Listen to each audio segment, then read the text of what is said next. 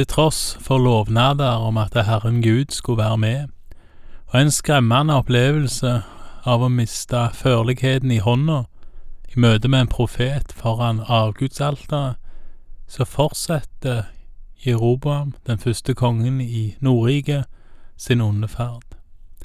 Det vil si, han fortsetter med å gjøre det som er ondt i Herrens øyne.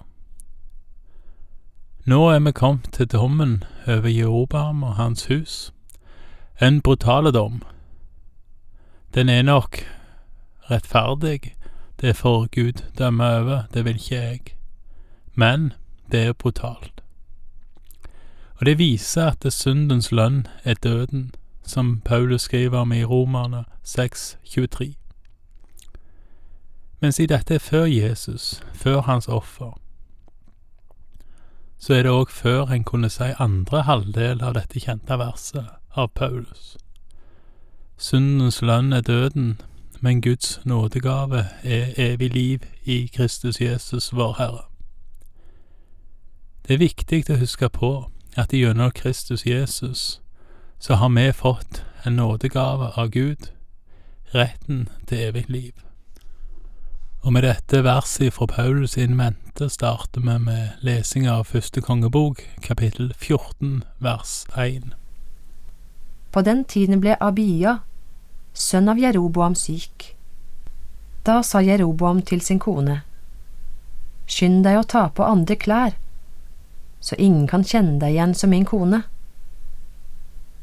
Gå så til Shilo, der profeten Ahia bor han som forutsa at jeg skulle bli konge over dette folket. Ta med deg ti brød, noen kaker og en krukke med honning og gå til ham. Han vil fortelle deg hvordan det skal gå med gutten. Jeroboams kone gjorde som han sa. Hun gjorde seg klar og dro til Shilo og kom til Ahias hus. Ahia kunne ikke se for han var gammel og stiv i blikket. Men Herren hadde sagt til ham, Nå kommer Jeroboams kone og vil spørre deg til råd som sønnen sin, for han er syk. Så og så skal du svare henne. Men når hun kommer, vil hun late som om hun er en annen. Da Ahia hørte lyden av fottrinnene hennes i døren, sa han, Kom inn, du Jeroboams kone. Hvorfor later du som om du er en fremmed? Jeg er sendt til deg med et tungt budskap. Gå og si til Jeroboam. Så sier Herren, Israels Gud. Jeg løftet deg opp av folket og satte deg til fyrste over mitt folk Israel. Jeg rev riket fra Davids hus og ga det til deg men du har ikke vært som David, min tjener.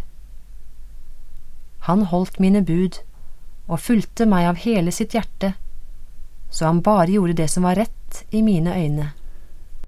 Igjen leser vi at det var David som var rettesnora eller standarden som alle konger etterpå ble målt etter, både de i nord og de i sør.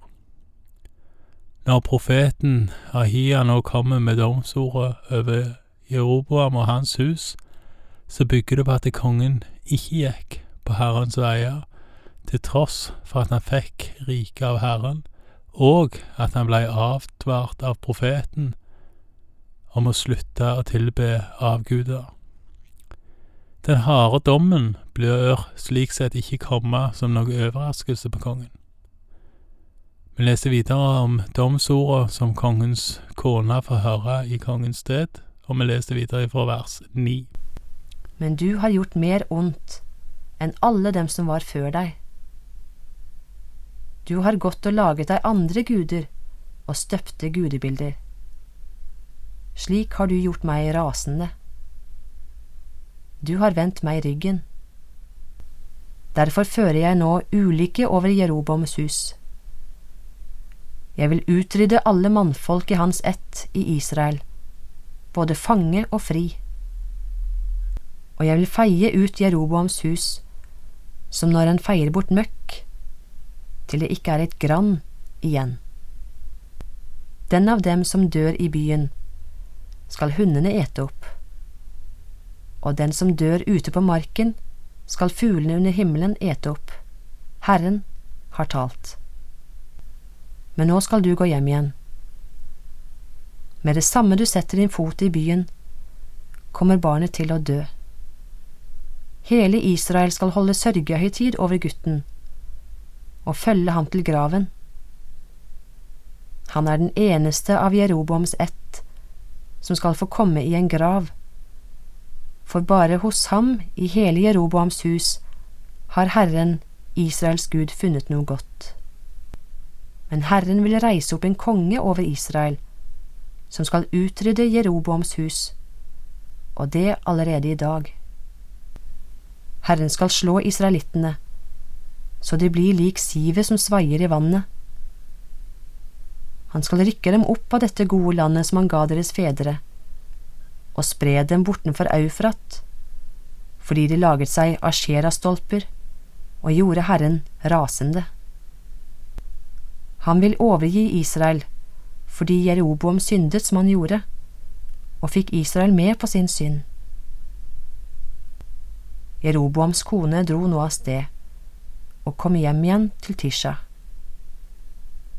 Med det samme hun satte foten på dørstokken i huset, døde gutten. Hele Israel fulgte ham til graven og holdt sørgehøytid over ham. Det gikk som Herren hadde sagt gjennom sin tjener, profeten Ahia. Det som ellers er å fortelle om Jeroboam, om krigene han førte og hvordan han styrte, står skrevet i Israelskongenes krønike. Jeroboam regjerte i 22 år. Så gikk han til hvile hos sine fedre, og hans sønn Nadab ble konge etter ham. Kong Nadab kommer tilbake igjen til seinere. Nå veksler vi fra Nordriket Israel og deres første konge Jeroboam, som nå er død, og over igjen til Rehabean, den første kongen i Sørriket Juda. Han var jo da sønn av Salomo. Og vi leser videre fra vers 21. Rehabian, Salomos sønn, var blitt konge i Juda. Han var 41 år gammel da han ble konge, og han regjerte 17 år i Jerusalem, den byen Herren hadde utvalgt av alle Israels stammer og gjort til bolig for sitt navn. Hans mor het Naama og var fra Ammon. Folket i Juda gjorde det som var ondt i Herrens øyne. Med syndene sine egget de ham til harme enda mer enn fedrene deres hadde gjort.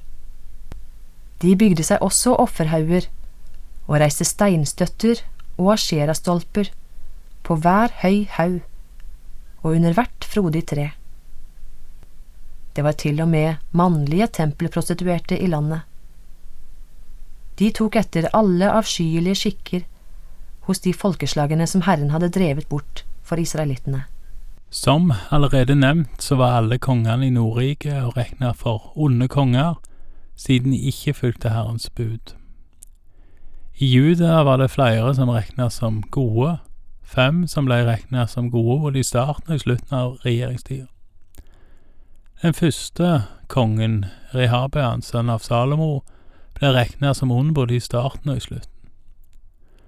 Og derfor, i alle fall sånn jeg forstår det, så tillater Gud at fiender både plyndrer, kriger og til slutt bortfører hele folket.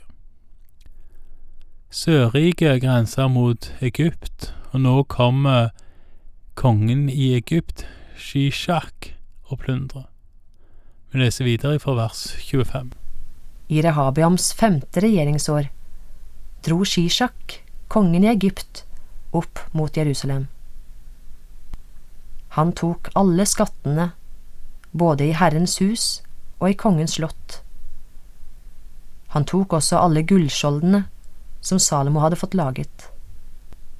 I stedet fikk kong Rehabiam laget bronseskjold, og han satte høvdingene over livvakten som voktet slottsporten, til å ta vare på dem. Hver gang kongen gikk inn i Herrens hus, bar vaktene disse skjoldene, og tok dem så med seg tilbake til vaktrommet. Kongen av Egypt plyndra Herrens tempel, eller Salomos tempel, og der var det mye gull. På toppen av Salomos regjeringstid kom det 666 talenter gull til Jerusalem hvert år. Nå går det bratt nedover på inntektene, og når nå kongen av Egypt har alle skattene, både i tempelet og i kongens slott, så må de ty til bronseskjold i tempelet. Det må forresten ha vært et av tidenes krigsbytter å dra ut med skattene etter kong Salomo. Nå tror jeg ikke en er tjent med å blande jordisk framgang, rikdom, berømmelse og penger for mye inn i om en lever etter Guds ord, Guds bud og vilje. Jesus, som var både Gud og menneske, han gikk fattig rundt på jorda. Ja, han sier faktisk om seg sjøl i Lukas 9, vers 58, at revene har hi, og fuglene under himmelen har rede, men menneskesønnen har ikke noe han kan hvile hodet på. Det vitner vel ikke så mye om rikdom. Så jeg tror ikke det er lurt å lage jordisk rikdom og berømmelse om til en indikasjon på om en lever etter Guds rike eller ikke. Når det er sagt, så er det likevel interessant å se hvor fort israelsfolket mister sin posisjon, sin makt, sin rikdom osv. når de bryter med Herrens bud. Salomo var den rikeste kongen, og sølv var mer vanlig enn stein i Jerusalem da, står der. Etter at Egypt plyndra sønnen, så måtte de bruke bronseskjold i tempelet. Da har det gått veldig fort nedover bakke for israelsfolket. Vi leser videre fra vers 29. Det som ellers er å fortelle om Rehabiam og alt det han utrettet, så skrevet i judakongenes krønike. Hele tiden var det krig mellom Rehabiam og Jeroboam. Så gikk Rehabiam til hvile hos sine fedre, og han ble begravet hos sine fedre i Davidsbyen. Hans mor het Naama og var fra Ammon. Hans sønn Abia ble konge etter ham. Og der slutter historien om Rehabiam med en referanse til hvem som var hans mor. Og dette med mødre, og faktisk òg bestemødre, er òg noe som kommer til å gå igjen gjennom de kommende kongerekkene. Det har nok en ganske praktisk forklaring, i og med at kongene ofte hadde flere koner. Hvis ei kongerekke går i arv fra far til sønn, som var vanlig, så visste en jo da hvem faren var, for det var kongen. Men siden kongene òg hadde flere koner, så nevnes òg mora, eller bestemoras navn, av og til. Det er en mulig forklaring på hvorfor dette nevnes. En annen forklaring er at mora eller morsarven er sentral. Og i jødedommen er det fremdeles sånn at en er jøde hvis ens mor er jøde. Gud advarte jo ettertrykkelig imot å ta kona fra andre folk, fordi mora, sammen med faren, er så viktige for et barns oppdragelse. Hånda som rører vugga, styrer verden, heter det seg i et gammelt ordtak. Hva betyr det? Jo, det et barn utsettes for i unge år, betyr mye for hvordan barnet blir som voksne. Ikke alt, men mye. Ofte veldig mye. Derfor nevnes både mora og farens navn, kanskje i Bibelen, på kongene. Som en forklaring, kanskje for litt, og òg til ære for de foreldrene som klarte å fostre en god konge, og mer til advarsel, eller det som verre er, for de foreldrene som fostra en konge som gjorde det som var ondt i Herrens øyne. Naama og Salomo, de hadde fostra en konge som gjorde det som var ondt i Herrens øyne. Takk for i dag, og Herren være med deg.